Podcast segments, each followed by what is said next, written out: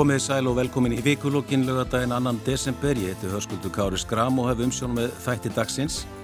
Það stýttist í jólinn fyrst í aðvendu á morgun og margir byrjaðir að jafnvel búnir að setja upp jólaskrötið. Það hefur annars gengið á ímsu í vikunni og við verðumst færast úr einu almannavarnar ástandi yfir í annað. Á þriðju dag var hættust í almannavarnar líst yfir í Vestmanniðin vegna skemda á neyslu vastlögg og enn eru talda líkur á eldgósi á Reykjaneskaga. Nýjar mælingar á hagvesti sína að hann er á hraðrið niðurleið en verðbólgan hins vegar á uppleið trátt fyrir að stýrivexti séu með þeim hæstu og byggðu bóli eða allavega norðan Alpafjalla. Fleiri hafa óskað eftir mataraðstóðum jólinn en áður og verkalisfélug hafa sett kjara við þeirra á byð út af óvissum þróun efnaðasmála og gaggrina sveitarfélug fyrir gjaldskrárhækkanir og stjórnvöld fyrir aðgeralessi. En hinga til að ræða þessi mál og fleiri eru komið þau Jóhann Páll Jóhansson, þingmaður samfélkingarinnar Dilljá Mist Einarstóttir afsakið Dilljá Mist Einarstóttir þingmaður sjálfstæðisflokks og Björn Levi Gunnarsson þingmaður Pírata, verið velkomin. Takk, takk. takk. Ég ætla að byrja á máli sem hefur verið fjallaðum í fjölmeilum í vikunni, það er mál íslenskra konu sem var framseld til Norex í gær þar sem henni er gert að mæta fyrir dóm Það gerist mjög sjaldan að íslenski ríkisborgarar séu framseldi til annara ríkja. Diljá, þú hefur lagt fram fyrirspurn á alþingi til dómsmálar á þeirra þar sem þú ert að spyrja almennt út í handtöku og framsal íslenska ríkisborgara meðal annars í tengslum við þetta mál. Er málið þannig vaksið að þínu mati að þú tellir að stjórnvöld hefði átt að beita sér í því? Ég skal byrjaði að fá afsaka röttina mér. Ég var ekki á lengi fram eftir í gær. Ég er að jafna mig eftir hvef pest. Eh, þannig ég vona að hlustendi fyrirgefa mig það. Einmitt, Jóhann Páll er skeptiskur um, en sérsagt, þessi fyrirspurt kemur til að því að, að við höfum auðvitað uh, fylst náðum með þessu máli og framvindu þess. Uh, og reglum varðandi afhendingu og framsal uh, íslenska ríkisborgara og bara borgara frá Íslandi var breytt ára 2016 og þá gætti mikill randstöðu varðandi sérstaklega framsal á íslensku ríkisborgarum og mikil træða og í þessum lögum eru því ríkar heimildið fyrir ríkiseksóknara til þess að binda framsal ákveðnum skiljarðum, til þess að fresta afhendingu ef ákveðnar aðstæður eru upp og svo framvegis. Og mér þóttu bara mikilvægt því að við þingmenn erum ekki bara að setja lög og reglur, við erum líka eftirlits aðili með stjórnvöldum og höfum ríka eftirlitskildu og mér þótti mikilvægt að draga það fram eins og þetta mál verðist vera vaksið eh, hvort að eh, eh, það sé í samræmi við önnur fordami, hvort að meðalhós hafi gjörglega verið beitt og, og jafnbræði eh, og ég tel að mjög aðeinlegt að, að þessar upplýsingar komi fram og ég hegst reyndar að leggja fram aðra fyrirsput varðandi sagt, eh, framsál og afhendingu í hináttina, hvað við erum að fá út úr þessum lögum og þessum samningum sem við hefum fullgilt hér á landi, hversu marga borgar við erum að fá hinga til lands Þannig að við höfum bara samanbörður og getum hort á þessa framkvæmt held stætt og metið hvort að þarna hafi verið eitthvað frávik eða hvort að þetta sé fullu samrami við fyrir framkvæmt. Þannig að þú telur að stjórnvöld eigi svona almennt að stíga mjög varlega til jarðar áður en þeir samþykja framsala á íslenskum ríkisborgara? Um, mér finnst að blasa við að það var ekki ástæðalösu sem að þessar heimildir voru veittar í lögunum og að þær séu til þess að nýta við eh, aðstæður sem að kunnu að skapast og í þessu máli það var það einfallega þannig að, að eh, Íslensku ríkisborgar er framseldur til annars lands í hendur annara stjórnvalda e, vegna mál sem er ekki komið á dagskrá domstóla og manni finnst það kannski svolítið langt selst en það er kannski betra að meta það ef maður hefur fordamin og getur séð framkvæmdina á þessu hinga til. En Þekkir þú eitthvað og veist eitthvað til þess að þetta hafi gæst áður að Íslensku ríkisborgari hafi verið framsöldur til útlanda já, eftir þessar breytingar 2016? Já, minnst að kosti hef nú bara spurst svona óformlega fyrir og verið að reyna grænslast fyrir um þetta áinn í lað fram fyrirspurnuna og mér er ekki kunnugt um að það hafi verið gert út í svona óvissu það sem að liggur ekki fyrir til dæmis dagsetting réttarhalda. En við erum svo sem ekki að senda þennan tiltekna ríkisborgara til einhvers uh, ríkis sem uh, það sem við getum kannski skilgreint sem uh, vafasamt ríki. Þetta er náttúrulega Noregur sem er með svona askaplega svipuð lög og, og hér á landi. Já, já, enda á þessi heimild bara við um Norrlöndun og Európaríki og þessi lög snúað framsaldi þeirra ríkja. Við erum auðvitað ekki að framsalja íslenska ríkisborgara eða borgara til ríkja sem að hafa ekki sam samskonar réttarkerfi og við höfum. En einhvað síðar þá höfum við þessar heimildir í lögunum til þess að binda afhendingu ákveðnum skilirðum eða einfallega fresta afhendingu til dæmis ef að dagsetning læki fyrir. Og það var að minnstu kosti ákveð að gera það ekki þessu máli. Og þá finnst mér mikilvægt að við sjáum hvort að það sé þá samfella í framkvæmt hinga til eða hvort að þetta tiltekna tilvík skeri svo úr að einhverju leiti. Áðurinn í snýmir að öðru máli en hef, svona kannski bara til að klára þetta hefðu stjórnvöld átt að beita sér í þessu máli, það var svolítið kallað eftir því. Já, stjórnvöld eh, ráþra getur til dæmis auðvitað ekki skipt sér að meðferð einstakra mála.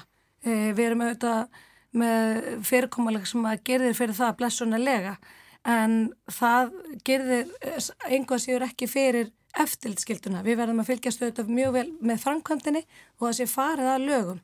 Þannig að við munum auðvitað kalla eftir upplýsingum um að það hafi örgulega verið gert.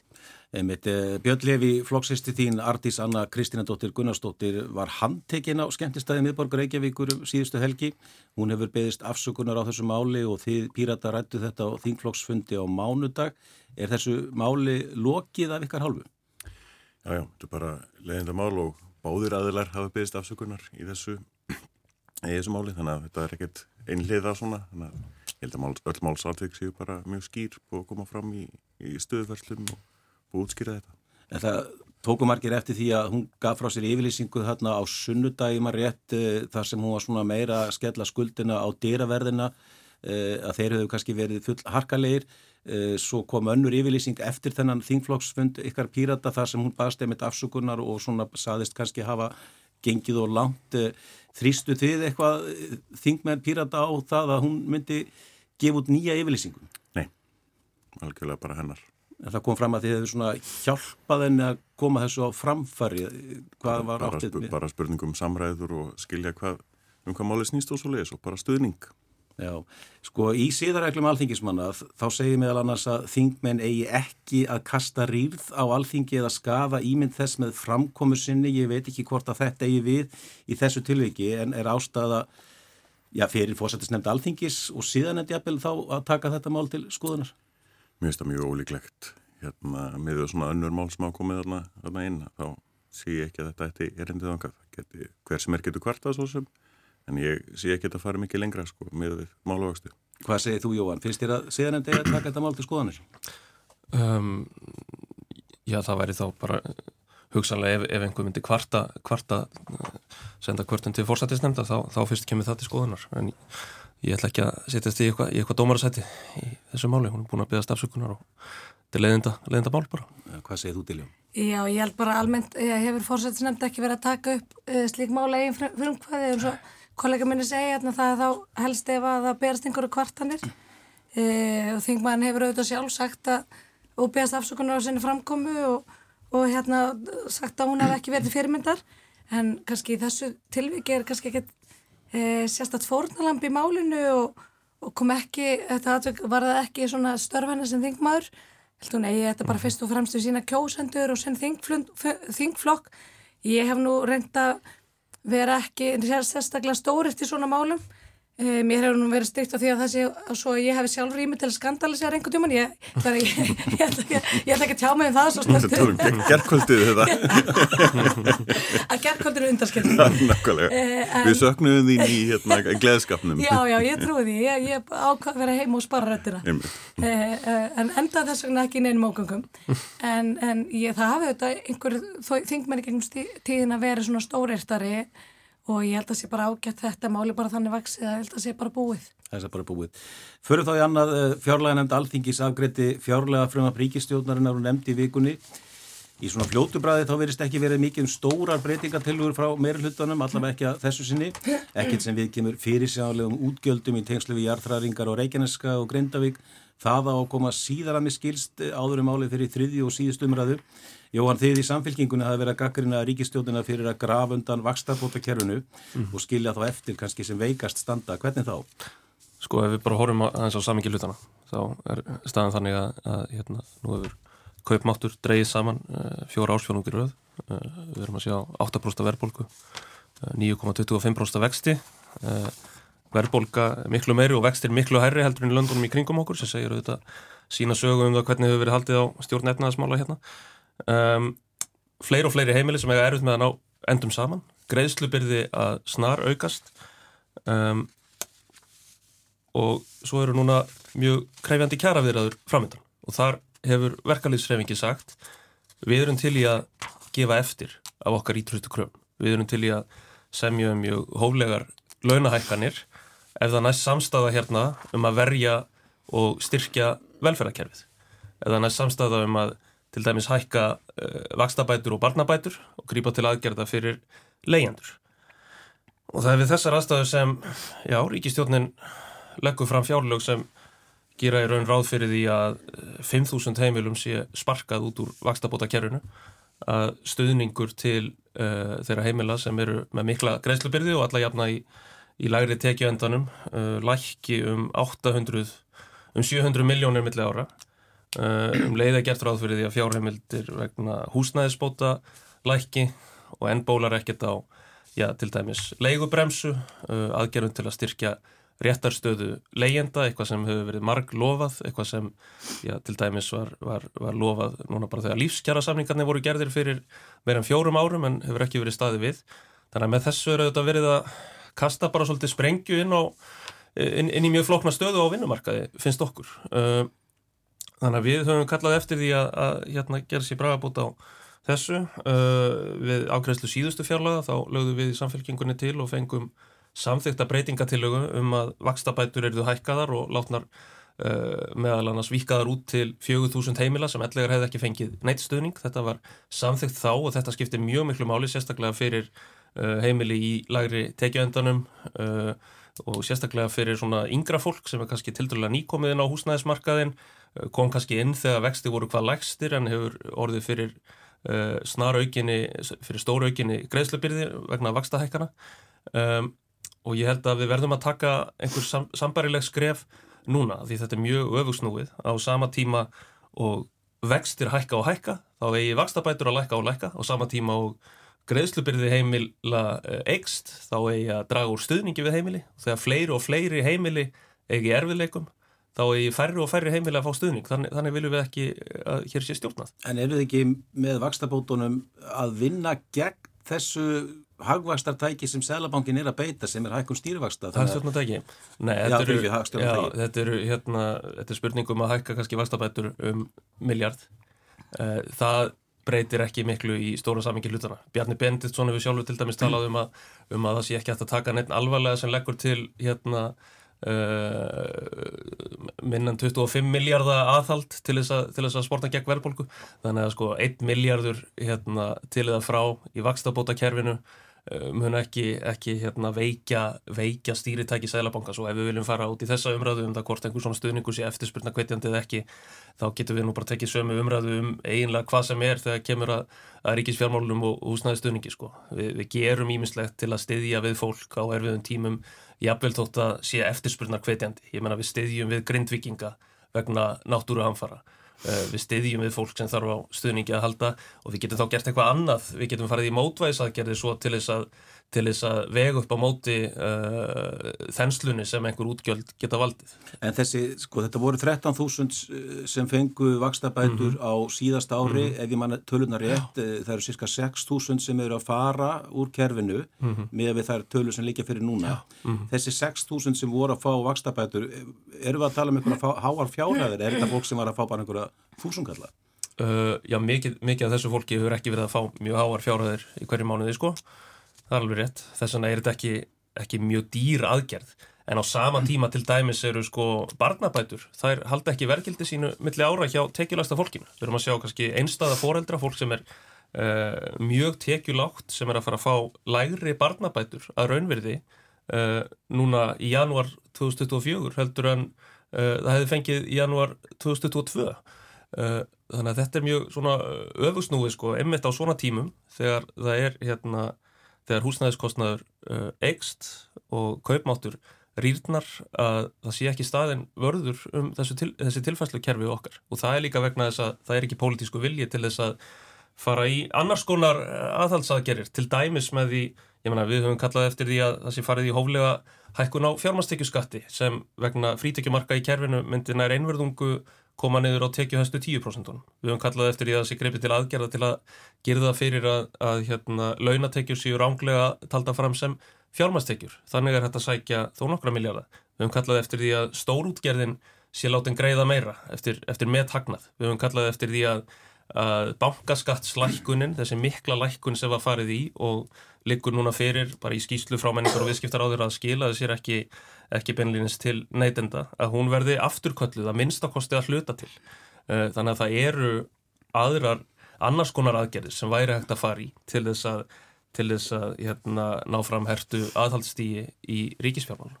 Björn, þú sittur í, í fjálaganend, ég hef nú ekki séð álit minni hlutans ennþá, þeir eru kannski ennþá bara vinn í því en, en þið hafið verið að gaggrina ríkistjórnuna fyrir aðgerðalessi. Eh, hvað viljið þið að stjórnvöld geri? Það er áhört að skoða þetta eins í stóra saminginu að, að þetta var í upphafi ár, síðasta árs sem að verðbólgan fór að fara á flug og það kom aðgerðapakki mæ, júni 2022 frá ríkistjórninu. Það var fyrsti aðgerðapakkin gegn verðbólgunni og ef við myndum taka sko, verðbólgana sem er á þessu ári 2003, eftir allar aðgerðinar sem að Ríkistöldun er búin að segjast verið að fara út í, bæði þarna síðast sumar og í síðustu fjárlögum sem framvegis, ef við varum bara með meðal verðbólgu þessa árs og hún myndi bara halda áfram út næsta því að Ríkistöldun er enn ekki gera neitt í rauninni að þá er ársverðbólga næsta ári þá er hún 7,5% eða svo þannig að við sjáum það aðgerir Ríkistjórnunar sem að hún segist vera að, að beita gegn verðbólkunni eru ekki að skila neinum árangri. Það er mjög augljóst. Þannig að Sæðlabankin er skilin einn eftir í því að reyna að beita hverju sem að Sæðlabankin getur gert og það er aðalega bara stýrivextinir. Og þetta efnahagst, sko, svona jöfnunartæki, stýrivextir eru, er svona bara reysastór sleggja sem bara fer á og lemur allt hagkerfið í klessu, görsamlega og hverjir, þú veist, ákveðum bytnar það fyrst það kemur til maður að bytna fyrst á ennmitt heimilum á fyrirtækjum sem að eru að svona fjármagnar sér bara með svona greiðslu stöður í hérna, lána, lána línurönni á bændum til dæmis þar sem að lánan hafa farið í, á flegi ferð þannig að stjórnvöld eru ekki að gera það sem þau þyrstu að gera sem eru nýttmiðar aðgerðir í baratu við verðbólkunum og hnitmiðum aðgjörum þarf að beina gegn því þar sem að fjármagn er að sapnast saman. Þar tapparu af þrýstingnum í efnagaskerfinu og það er það sem við erum að leggja til í sagt, okkar nefndaráldi núna að hækka til þess fjármagstekjuskattin.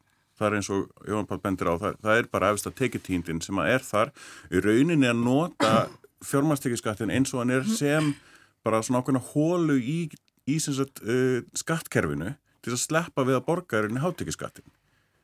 Það, það, það, er bara það, því sem munar. Og það sem að kemur augalega við það, það sem við síðan leggjum til, er að þetta er rauninni það sem vantar upp á í útsvarið.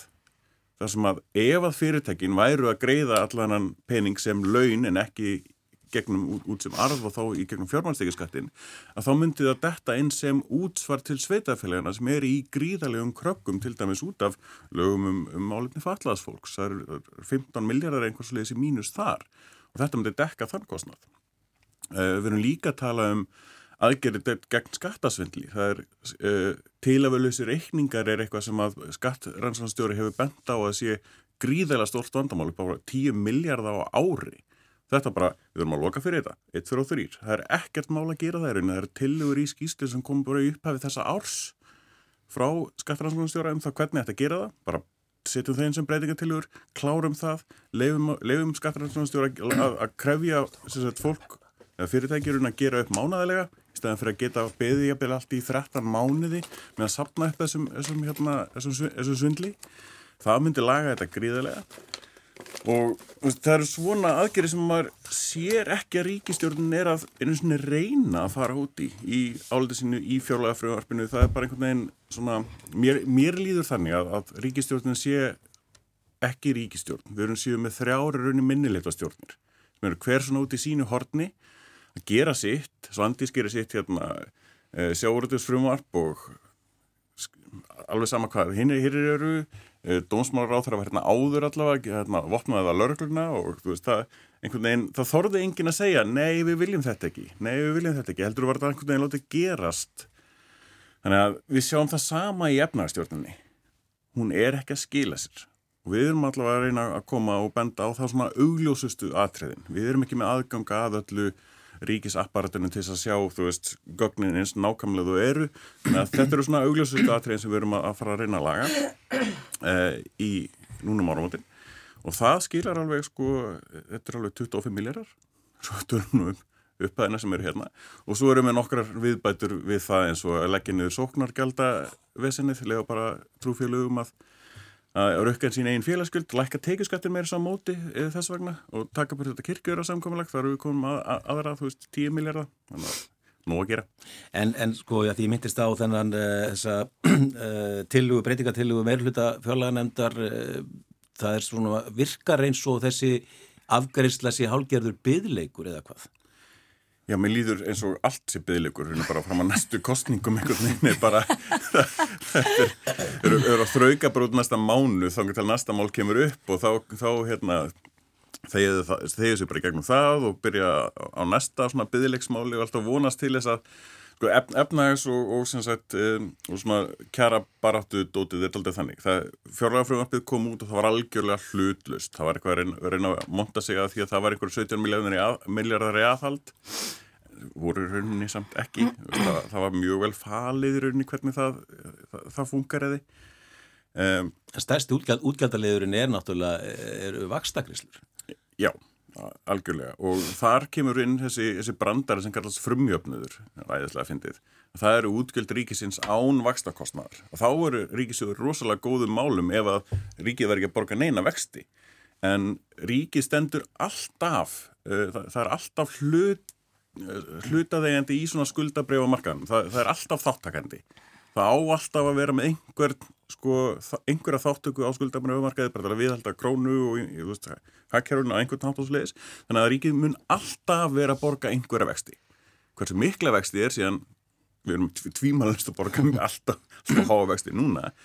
En frumjöfnur í því sem sagt samengi er þá gössamlega gagslis fyrir ríkið því að ríkið er alltaf að borga einhverja vexti. En, en þau svar aldrei hversu mikla vexti Diljá, þú ert einið fulltrúi ríkistjórnarflokkana í þessum þætti ég ætla nú að gefa þér kannski tækifæri til að svara því sem hér hefur komið fram Já, hvað er við langa tíma? ég held því sem með þetta. Sko í fyrsta lagi þessi dökka mynd sem að kollega minn er máli hér upp af, af Íslensku hagstjórninni, hún rýma nú ekkert mjög vel við alþjóðlegar útæktir í nýjustu skýslu OECD.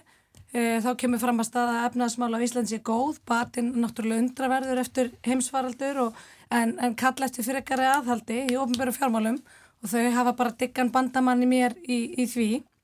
Um, Lánshæfisengun Íslands heldur áfram að hækka e, meðal annars vegna hraðari afkomi bata ríkisfjármála og lækandi ómbæra e, ég heldur ekki sé þetta minni hluta álitt frekar en þú en, en það kemur mér ekkert óvart að heyra að þarna er verið að tala um frekar útgjöld og skattahækkanir það er bara hérna það sem að það, minni, það, er, það, er svona það sem að ég, ég dreg út úr því sem að þið hafi sagt og, og bara með því að hafa fylgst með ykkur í í afgæðslu undanfarina fjármála áallina fjárlega, það er alltaf þetta sama. Það eru skattaækkanir og frekar útgjöld. Uh, ég ætla ekki að gera lítið úr erfiri og þungari stöðu ímessa uh, uh, heimila. Það eru auðvitað heimili um, viða veröld og ekki síst í löndum sem við berum okkur gerðan saman við sem eru að róa þungan róður um, þessan, um þessar myndir af margvíslegum ástæðum hins vegar er staðrindin svo að skuldir heimilega eru mjög litlar í sögulegu og alþjóðlegu samengi. Skuldir hafa batna mest hjá þeim eh, hópum sem skuldu mest á síðastlegum tíu, tíu árum. Vakstabyrðir er enn sögulega lítil þó við séum auðvitað hrætt og, og veitum það að hún fari vaksandi og eh, kaupmótu launa fer vaksandi, sérstaklega hjá lagtökjuhópum. Um, hvað var það vakstabætunar? Því að, að samfélkingunum verður tíðrætt um vakstabætunar eh, sem forma stöðningi við, eh, í húsnæðiskerfinu. Eh, ég nú þeirra skoðanir við einblínum og allt og mikið á svona millifæslu kerfi í stað þess að horfa á það að einfalda bara skattkerfi og draga úr álögum á fólk og það er bara ekkert launungar mál að það er stefna stjórnvalda að vakstabóta kerfi dopni svona útsmám saman og það komi aðrar aðgerir stuðningsaðgerir í staðin. Hvað aðgerir? Það eru aðgerir eins og stoppframlegu fyrir hafkamar íbúir hækkun og leigubótum hlutildalán og auðvitað skattfráls ráðstofun e, sérregnar og það er til dæmis aðgerð sem að hvetur fólk til þess að spara og er ekki verðbólgu hvetjandi eins og ég heyrði að þú varst að pikki varandi vaksta bætunar en, en uh, vaksta bótakerfi er vissulega verðbólgu hvetjandi hins vegar voru eignarskerðingamörkin eins og Jóhann Pállrindar nefndi sjálfur þau voru að hækka umtalsvert á síðasta ári þannig að nokkur þúsund einstaklingar nutu góðs af. Uh, en af því að við höfum ekki verið að einblýna á þetta kerfi, við erum, að, við erum að sjá fyrir okkur það svona dopni út og önnur kerfi taki við, þá hafa viðmjöna fjárhæðir ekki hækkað. E, meðalann samlega óðaverbulgu í fastegnaramati, hún hefur síðan aftur áhrif á til dæmis álegningastopp fastegnaskatta ég er nú með umræðu í þinginu í næstu viku um, um það mál sem er, mér finnst að vera mikið hagsmunumál e, það hvernig fastegnaskattar er, er er, er mjög ósangjant, það er mjög ósangjant og ófyrir sjánlegt kerfi og að því að við erum að tala um uh, við erum að tala hérna um stuðning við húsnæðasengundur og stuðning við fjölskyldufólk, við barnafjölskyldur þá held ég nú að samfélkingin og fleiri sem seti hérna við borðið ætti að líta sér nær sem að stýra auðvitað stærsta sveitafélagi landsins þar sem eru nægt tækifæri til að stýðja við uh, barnafólk og húsnæðasengundur í borginni. Ég er nú eina af þeim, ég er uh, með ung börn í Reykjavík og, og býð þar. Og e, og, og ef við setjum til hliðar sko stuðningi sem fælst í því bara að e, bjóða fólk upp úsnaði, bjóða fólk upp á nægilegt láðaframbó og svo framvegs e, þá eru auðvitað blasi við að það væri hægt að koma til móts við fastegna eigundur Reykjavík til dæmis með því að að minnsta kosti láta fastegna gjöldin standi stað eins og Þetta hefur verið að gera slíka í þeim sveitafélagum sem sjálfstæðismenn stjórna hérna Sjóla í eina sveitafélag sem er búið að gera samning Lá... við ríkið Já, um ef þú leiðir mér að klára þess að gaggrinni á, á sko, stuðning samfélkingarinnar og fleiri í borginni við barnafjölskyldur og húsnæðisegundur þá er þetta til dæmis tækifæri sem blasir við e, fastegnagjöldin Kábósbæri nú að kynna lækkun á fastegnarskatti síðan er auðvitað stærsta hagsmunum máli fyrir ungar barnafjölskyldur. Það er auðvitað leikskóla, leikskólamálin sem að standa því miður ekki vel reykjaug það þekki af mjög bituru eigin reynslu. Og ég held að, að ungt fjölskyldufólk kallar miklu fyrir ekkar eftir e, að því að sé eitthvað aðgert í leikskólamálum að leikskó, leikskólaböld komist að fyrirheldunum fyrir þryggja ára aldur. Fyrir ekkar heldur en að fá einhverja nokkur þúsund, þúsund kalla milli farða fór ríkinu.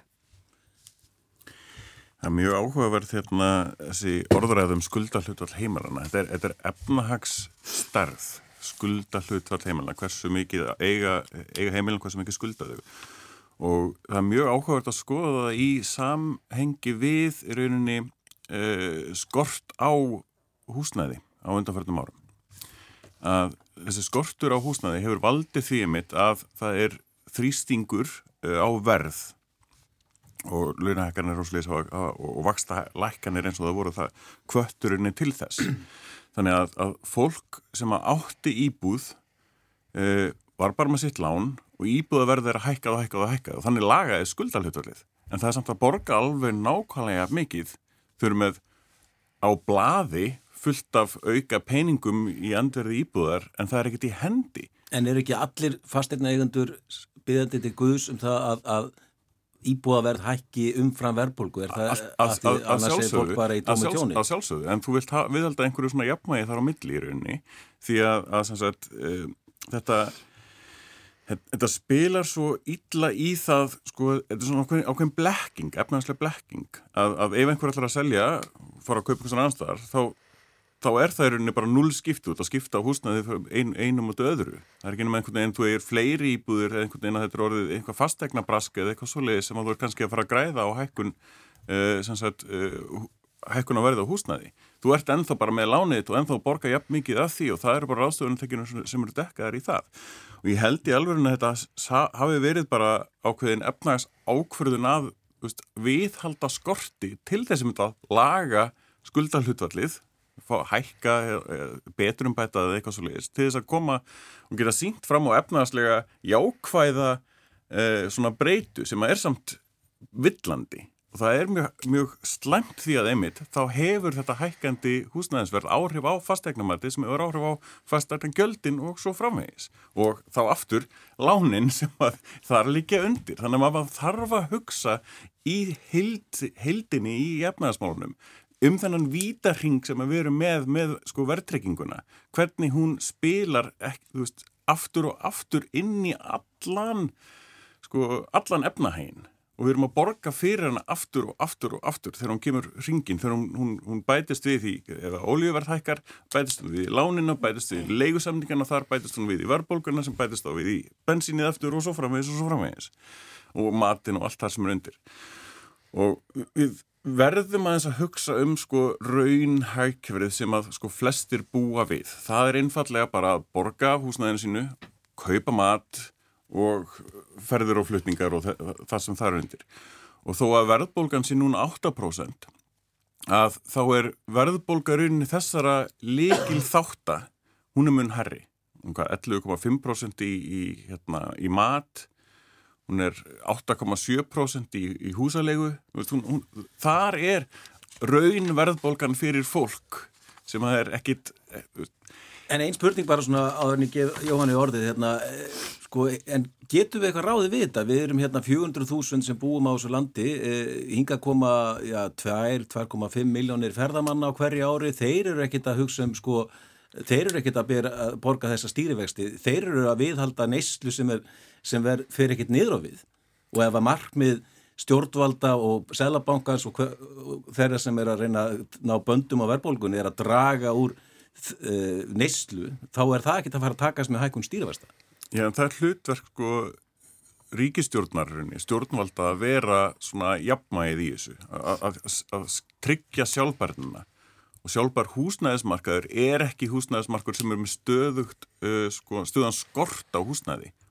Þa, það er bara, þá er ekkert svigrum í rauninni til þess að, að bregðast við áföllum eins og til dæmis náttúruhamförum og þar hafa stjórnvöld þrátt fyrir rýmsar yfirlýsingar og undanfærtum árum bara ekki náð tökum á þeim vanda.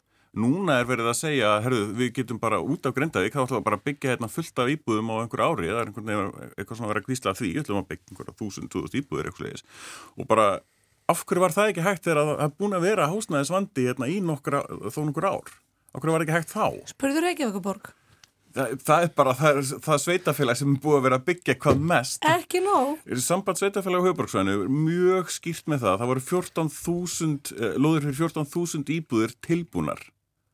Ja, og það, sko, það er ekki Reykjavík sem að ber höfuð ábyrð á því að, að hérna, sinna þess Reykjavík er lang, lang, langstæsta sveitafélagið af hverju er bara verið útluta lóðum ofan öðrum, öðrum húsum? Og hlutvarslega byggði Reykjavík það, þann fjölda íbúða sem að þurfturinn til þess að ná byggjum bara bólumstortal eins og að búa að lofa. Áður við þetta í borgarpolítikina Jóhann okkur upp alls mál. Já, því að það er eina sem hefur möguleika að, að skjóta á móti en það er alltaf falskvot það er hver eina sem skiptir að skjóta okkur fótinn.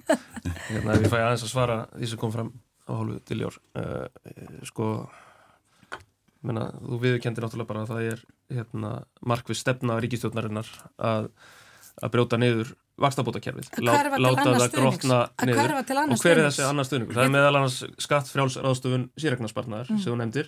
Það er aðgerð sem Sælabankin hefur líka bætt á hluteldalánin sem hafa líka verið að auka, auka verðbólgu.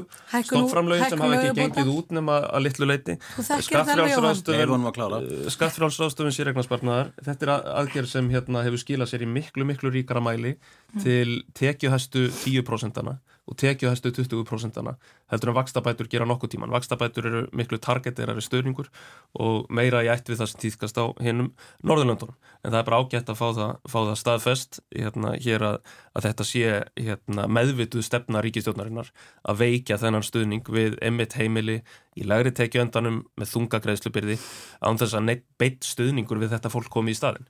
Um, hér er aðeins rætt um, um meðal annars leikskólamál.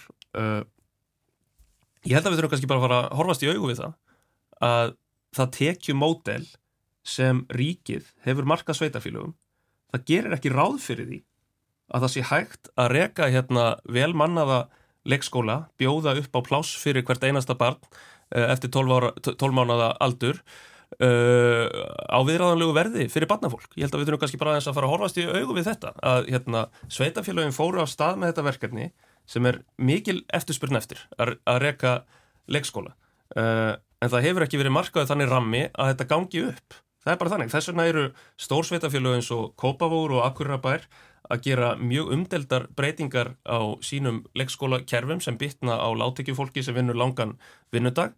Þess vegna sjáum við það til dæmis í Reykjavík og Borga eins og, og Tiljón nefnir að, hérna, að, að fólk er að býða mjög lengi eftir plássi og þetta er eitthvað sem ég held að við þurfum að bara taka mjög alvarlega umræðu um. Einmitt, hérna, og varðandi húsnæðismálinn sko, þá auðvitað skýtur skökku við að að vera að gera hérna harða hríð að eina sveitarfélaginu sem hefur verið viljugt til, til að semja við ríkið um að auka frambóð á lóðum í samræmi við rammasamningin um húsnæðismál og einmitt eina sveitarfélagi þar sem sko eh, sem hefur haldið dampi núna í íbúða uppbyggingu meðan hún hefur verið að draga saman alveg stórkostlega í flestum öðrum sveitarfélagum. En áður við höldum og áfram. Og sveitarfélagi þar sem lang, lang, lang stærst stærstur hluti hérna, íbúða í almenna íbúðakerfinu hefur reysið á undanfjöndum árum. Áður við höldum áfram allir aðeins bara að vinnast á það að við sitjum hérna Jóhann Páll Jóhannsson þingmaður samfélkingarna til já mist Einarstóttir þingmaður sjálfstæðsflokks og Björn Levi Gunnarsson þingmaður Pírata eh, til já það likur náttúrulega líka fyrir og, og við höfum svo sem minnst á það og Björn Levi kom inn á það varðandi stöðuna á Reykjanesi eh, það er verið að, að já, það er fyrirsjánulegt að útgjöldur ríkisjóðs munu aukast verulega út af öllu því sem er í gangi þar. Eh, þessi útgjöldur er ekki komin fram ennþá, við vitum ekki hver niðurstaðan verður á endanum. Eh, er eitthvað búið að leggja eitthvað mat eða eitthvað vinna hafinn við að leggja mat á þann kostnað sem að ríkið mun bera vegna þessa? Og uppbúslega varstu lúmskur að katta það náðu. Þetta uppáhalds umræðinu okkar Jóhanspáls. Eh, já, eins og þú hefst búin að segja sjálfur þá og hefur komið fram að, vegna þessara mik miklu óvissu þá má gera ráð fyrir breytingu við þriðju umræðu. E, það eru þetta reynilega uppi bara aðstæður sem að voru ekki fyrir síðar. E, breytingateiljóðuna nú þegar gera ráð fyrir örlittlum halla þó að frumjöfnuður uppáhalds orðið hans Björns Levís, orðið ársins, e, er ekki að verða lagari. Síðast var að hagsfjöflu leðrættur frumjöfnuður. Já, maður er alltaf að læra eitthvað nýtt í vinnunni. Eh, en, en við megum gera ráð fyrir því að það komi fram einhverja breytingar jú, fyrir þriðið umræð. Og það er náttúrulega einhver útgjöld ríkisjós og, og, og, og það mun hafa náttúrulega áhrif á að loka niðurstuðu fjárlega nefnum þetta verið sett inn á næsta ári eða þetta ári, ég veit ekki hvað niðurstuða verður. Það mun hafa áhrif á verðbólgu og vexti. Ég er auðvitað treyst á það, ég er, auðvitað, ég er bara bjart sín eðlisfari og ég er treyst á það að þetta verður enn frekari kvartning til eh, hæraðinga og aðhalds maður auðvitað vonast til þess að það koma á móti. En þið að vera að tala um húsnæðismarkaðin, það mm. ríkið er nú bara að byrja að auðvisa eftir leigu íbúðum fyrir náttúrulega í grindvikinga, eðlilega. Já, ríkið er að auðvisa eftir því. Það mun ára áhrif á leigumarkaðin, mæntilega til hækkunar. Já, tímabundi, ég menna við sjáum það hvernig þessu mál, hefur haldið á málum í Reykjavíkuborg, þar sem að, að, því að það er að tella til hérna, uh, framla Reykjavíkuborg til húsnæðisuppbyggingar og þeir byggja hérna glæsi íbúður í Bríetatúni og svo sáum við, sjáum við bara merkingum á dýrabjöllunum að þetta er allt saman leigu íbúður fyrir e, ferðamenn þannig að þeir eru, það eru auðvitað að vera að kalla eftir svona samtakamætti og sameilu framlægi allra til þess að veita grindvikingum skjól til skamstíma. Við erum auðvitað að horfa á þetta til skamstíma. Við vitum að það eru auðvitað íbúður, kannski ekki á lausu, en íbúður sem eru nýttar til annars heldur en til fastar búðsetu, ekki síst í Reykjavík og það er auðvitað að vera að kalla eftir því til skamstíma að þessi komið til móts við þessar erfuðu aðstæði sem eru uppi fyrir vinn okkur kundur. Þá kannski sveitafélagum heimildir til að, til að setja einhverju hömlur á skamtíma legu? Nei, það, við, við hyggjumst ekki að gera það en við hvetjum Reykjavík til þess að, að falla frá þessum gríðalegu áformum um að breyta íbúrúsnaðum í, í, í atvinnstarðsami eins, eins og hefur verið gert. Svo er þetta hægt að horfa á þess að allar þessar lausu jarðhæðir í Reykjavík sem eru bundna skilirðum um að það sé atvinnstarðsami eins og til dæmis í balskverfinu að því að mér skilst þúsundir fermetra. Það er ímislegt hægt að gera og Reykjavík getur auðvitað lagt sitta mörgum þar. Eh, en mér finnst bara ágætt að kollegi minni hér séu eh, hugrakkir og séu til í að ræða skort á húsnæði. Þessar þúsundir lóða sem að engin verktaki og engin eh, vil kannast við að séu hérna, í bóði ég held að séu bara til á glærukynningum og ég ætla bara að benda aftur á Úlfarsártalinn ég veit að, að fulltrúar meirlutans hafa talað um Úlfarsártalinn eins og það sé einhver aftala bær þetta er frábært lifandi hverfi rétt hjá mér í gráfóinum það sem eru sterkir innviðir og nægt e, rými til uppbyggingar og ég hvet bara meðlutin Reykjavík til þess að vera stórfælt uppbyggingu meðal hans þar. það er skemmtilegt hvernig þú náður einhvern veginn að koma umræðinu, aftur yfir í, borgarpolítíkina það er náttúrulega Reykjavík er ekkit eina lært. hérna á höfuborgarsvæðinu, það búa hérna á þessu svæði já, 220-40.000 manns og það er held ég í kringum 130 Reykjavík þannig að það eru 100 ás mann sem búa í hinu sveitafélagunum sem eru held ég maður rétt öll stjórnuð, eða það eru sjálfstæðismenn allstæri meirhluta Mhm. Og alls, allstaðar fylgjandi borgarlínunum nema í Reykjavík. Munurinn á, á þessum sveitafélagum og Reykjavíkuborg er auðvitað sá að Reykjavíkuborg er eina sveitafélag sem státar af bara endalösu möguleikum á, á uppbyggingu og svæðum og lóðuppbyggingum og lóðaframbúði og ég bara skil ekki þess að lóðasvelti stefnu ég skil ekki að skul ekki bara koma fram með bara hérna e, þúsundir lóða til þess að bjóða e, inn í þetta ástand. Leysir þetta vandan, ég menna er það Reykjavík sem er að draga lappinnar Nei, einfallega ekki. Það, það þarf sko uppbyggingu um allt land. Það er ekki, veist, það er með þess að stefna stjórnvalda að það sé ekki breyting á hlutastlegri svona íbúatölu milli landsfjörðunga eða landsluta. Þannig að, að einhvern veginn að stjórnvald séu að segja Reykjavík, þið er að byggja hérna allt og þá er það að brjóta einn stefnu. Þannig að maður fattar ekki svona málflutning svona þegar hann bara gengur ekki upp. Reykjavíkingum hefur verið að hlutfastlega fækka En hérna, sko, Björnlefi, þú saðir hérna í þínu máli fyrir þessum þætti að það væri raunverulega þrjá ríkistjóðnar í, í þessu landi. Það hefur verið komið fram á alþingi þar sem að það liggur fyrir að, að þessum 109 málum sem ríkistjóðin ætlaði að leggja fram á haustingi held að séu komin eitthvað 35-40. Það verið skanga mjög hægt og seint að koma málum á dasgrá og svo veit maður að það er byllandi ágreiningu millir ríkistjóðnarflokkana um mörg mál sem eru í vinslu. Er þetta bara þannig að, að já, þið eru bara búin að ná svona sáttum það að gera sem minnst? Við erum nú einhver á þingi sem að gleðjumst alltaf eftir, eftir, yfir því að sjö, fá mál á dagskrá að, að hérna, það er ekki dandilega mælir hvar þá það að sé svo margt gott í gangi að sé vera að hérna, framleiða lög á færibandi. En núna þegar við erum að að- við mjög erfiðar aðstæður. Ég held að, já, þá hefur við nú bröðust mjög hratt og örglega við, sko, ekki bara í heimsfaraldri heldur núna strax aftur í, þegar við sjáum þessar, e, þetta ástand sem er komið upp í Grindavík, það var nú þver pólitísk og bara góð samstæðan það að bregðast það hratt og örglega við, það er ekki hægt að kvarta yfir því, varðandi önnu mál, þá er þetta sam, þannig sam, samsett að það krefst kannski e, frekari yfirlegu e, svona meiri funda og, og hérna samaramis og, og, og því að sé fari betur yfir hlutina.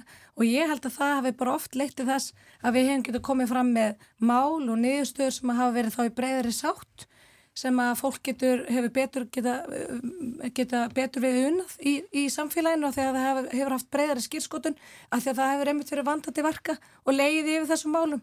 Þannig að ég held að sé engin mæli hvarði á árangur e, að, það, að lögum sé spýtt út á ógnarraða í gríðuverk. Jóhann, ég hlustaði á einhver stjórnarnarstöð þingmenn á þinginu held ég að verið í þessari viku, mögulega síðustu, það var síðustu viku þar sem þið voru einmitt að kvarta undan því að, að aðgerðaleysi ríkistjórnarinnar. Ættu stjórnaranstöðu þingmenn ekki bara að vera ánaðir ef að ríkistjórnin er ekkit að koma fram með of mörg mál? Nákvæmlega. Já, ég meina, sko, það er náttúrulega bara algjör kyrstaða þegar kemur að velferðamálum, þegar kemur að orkuöflunarmálum uh, og bara í, í stórum málum eins og útlendingamálum þar sem hefur ekki verið sátt um eitt neitt hvernig að gera hlutina.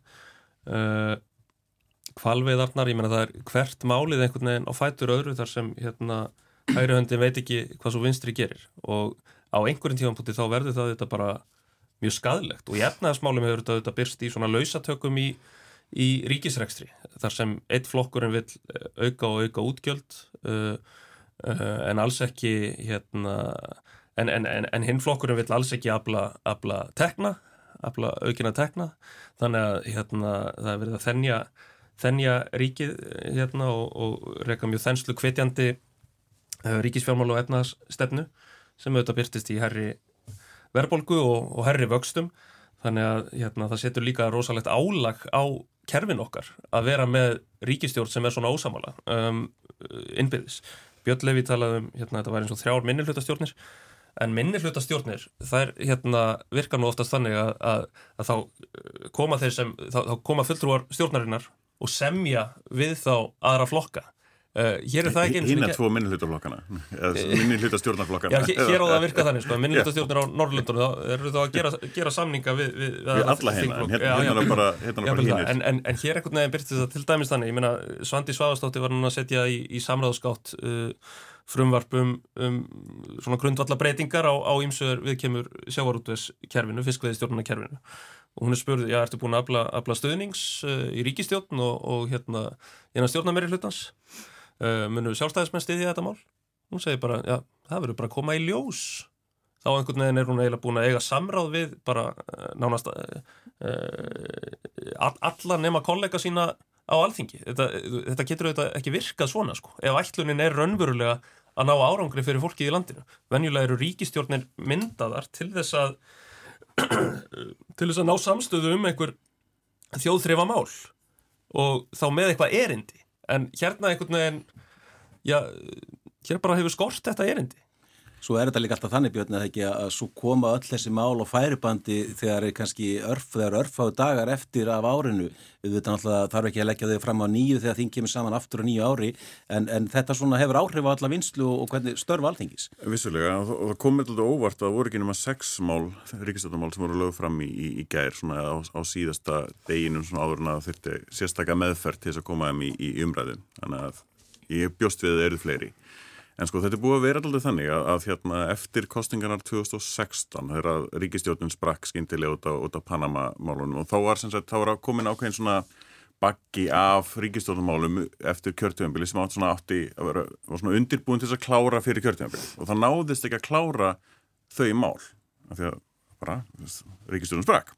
Svo kom Ríkistöldun 2016-17 sem var bara í, í eitt ár sem var þá rétt að byrja á fulltamálum, uh, eh, rétt að byrja á þeim málum sem var, voru þegar sko, tilbúin. Þá sprakk Ríkistöldun aftur og það, það var komin ennþá fleiri mál sem að rauninu bara beðu afgreðslu. Og þetta er það sem að núverindi Ríkistjórn á síðasta kjörtíðanbili færi svona í, fangið það var runni öll þau mál sem var, var, svona nokkur neginn bara samstáðum þetta voru mál sem var búið að vinna í langan tíma og, og það skiptir henni engum máli hvaða ríkistjórnum það var þessi mál runnu bara í gegn svona æmitt, í gegnum síðasta kjörtum svona smá saman, kláruðu sumur aðeins svona meiri deilumála um og svo framvegis en þau kláruðu allavega þannig svona mála svona halla á síðasta kjörtumambili á þessu kjörtumambili þá eru þau bara, bara með sínum mál. Bara með sína stefnu. Og þar kemur svo skýrt í ljós einmitt hversu mismundi stefnu þessar flokkar, flokkar eru með. Þau koma ekkert sínumálum fram í gegnum hinn af flokkarna svo auðvöldlega af því að þetta eru svo mismundi flokkar. Diljá.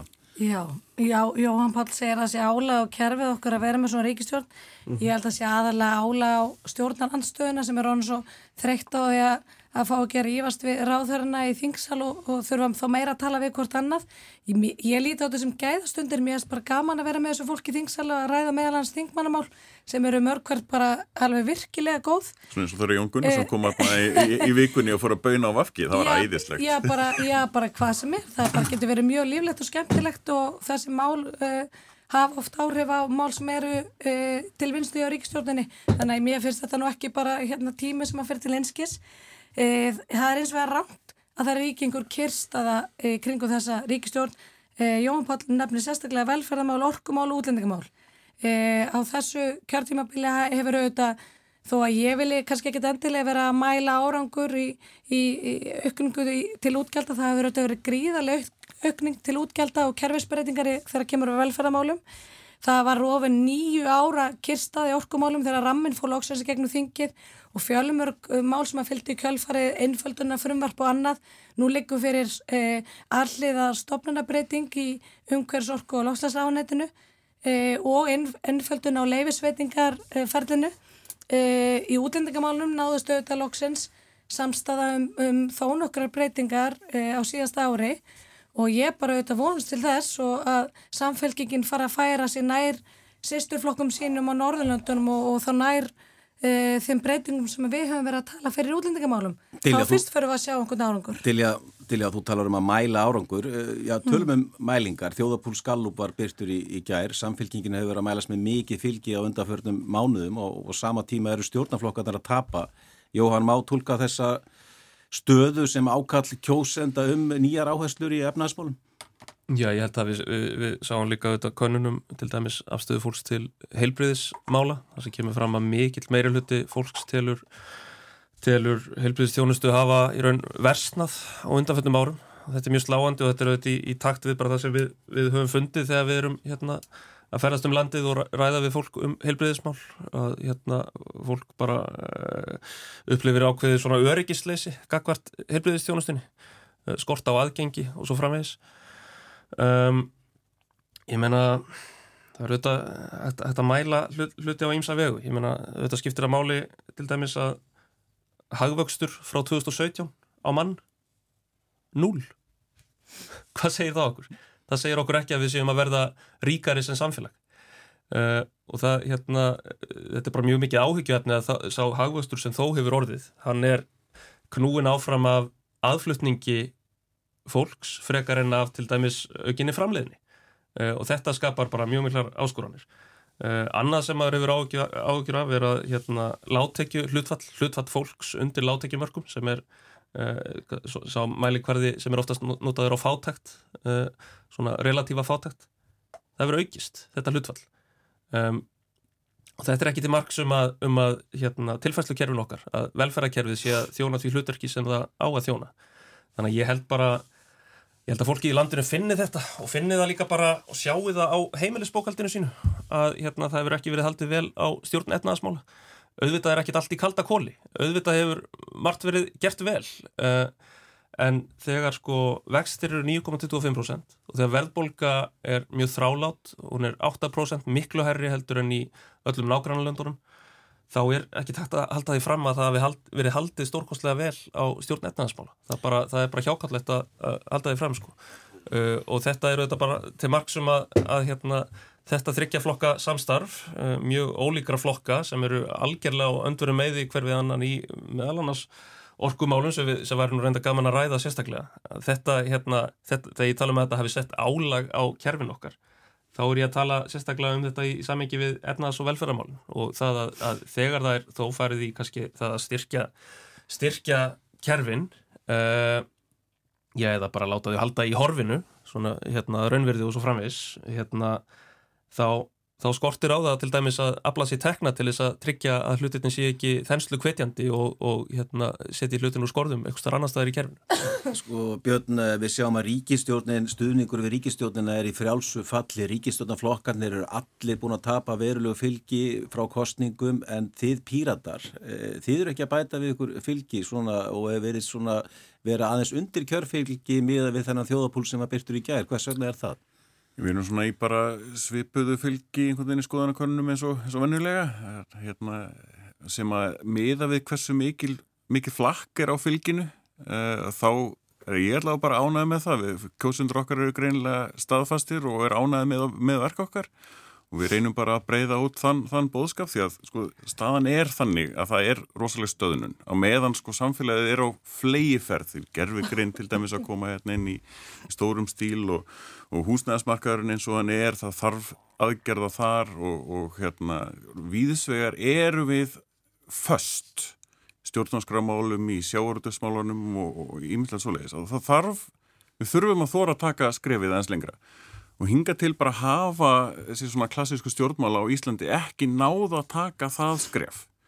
Og ég held að eina leiðin í rauninni til þess að ná að taka það skref er með pyrirtum. Við erum aðeins, komum úr, úr aðeins annari átteldur en þessari klassísku hægri, vinstri, öðrum einuru, vakstabætur, badnabætur og allar þessar bætur sem eru rauninni ákveðin fátæktagildra þegar allt e, efnahærum vindur einmitt upp á sig þá þarf að uppfara það. Annars er unni eftir fólk bara í ákveðin ákveðina fátæktagildru þegar það fær meiri tekjur og þá missaði bætunar og þá þarf að uppfara hérna, bætunar á, á, á móti og svo framvegis og þetta er einhver endalus ví, vítar hingur þannig að veist, við erum með aðra sín við hérna, viljum gera betur Sjálfstæðsflokkurinn er að mælast ítrekkað undir 20% í, í könnunum, ekki bara þjóðapólsunum í gær. Dilja, er menn ekkit orðnir áhyggjufullir í valhöll? Ég held reyndir að þetta sé ekki mjög óvannilegar uh, skoðanakannanir svona miður kjörtjumabili eh, í þeim aðstæðum sem er uppi núna í, í efnasmálunum og, og öðrum hræringum sem hafa dunið yfir, yfir okkur hér undanfatna mánu og ár. en auðvitað er þetta skilabótul okkar og ákallum að gera betur. E, mér langar að nefna tvo hluti sem að Jóhann Pál e, kom hérna inn á. Örstuð. Örstuð annars vegar verðandi fátæktina. Við erum með hlutfarslega minnsta fátækt í OECD, ja, mesta jöfnuðin. Þrónun yfir er, er, er heilt yfir rétt átt en auðvitað má alltaf gera miklu, miklu betur og við hefum aldrei að slaka á í þeim efnum og hittur á heilbyrðismálum. Það er auðvitað ágefni að þráttur við horfum upp á e, 20% raunaukningu í útgjöldundin heilbyrðismála þá verðist upplifun fólks að heilbyrðiskerfun ekki vera nægilega góð á öllum sviðum og ég held að það sé bara verið að kalla eftir kerfisbreytingu og öðrum áherslum. Svona rétt í lokin, eh, hvað er framöndanum helgina hjá þér, Jóhann?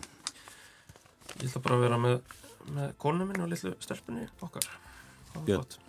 Ég er bara að fara hérna að hlaupa í badminton tíma hérna rétt strax og ég, svo er ég fyrir aðvendu hérna hangikjöti og pappa á morgun. Til já. Það er auðvitað íþróttum út hjá börnunum eins og allar helgar í ungum fóreldrum þar sem að maður reyðir ekki bara helgarum heldur lífsveljanum. Nei, ég segi svona. Svo meiri vinna í fjárlega hérna nefndaraldinu. Dilja, Jóhann og Björn, takk kærlega fyrir komuna í vikulokkin. Þáttunum verður, ekki, verður öllu heldur á sínum stað að vikuliðinni. Við þökkum fyrir okkur, við í sæl. Takk.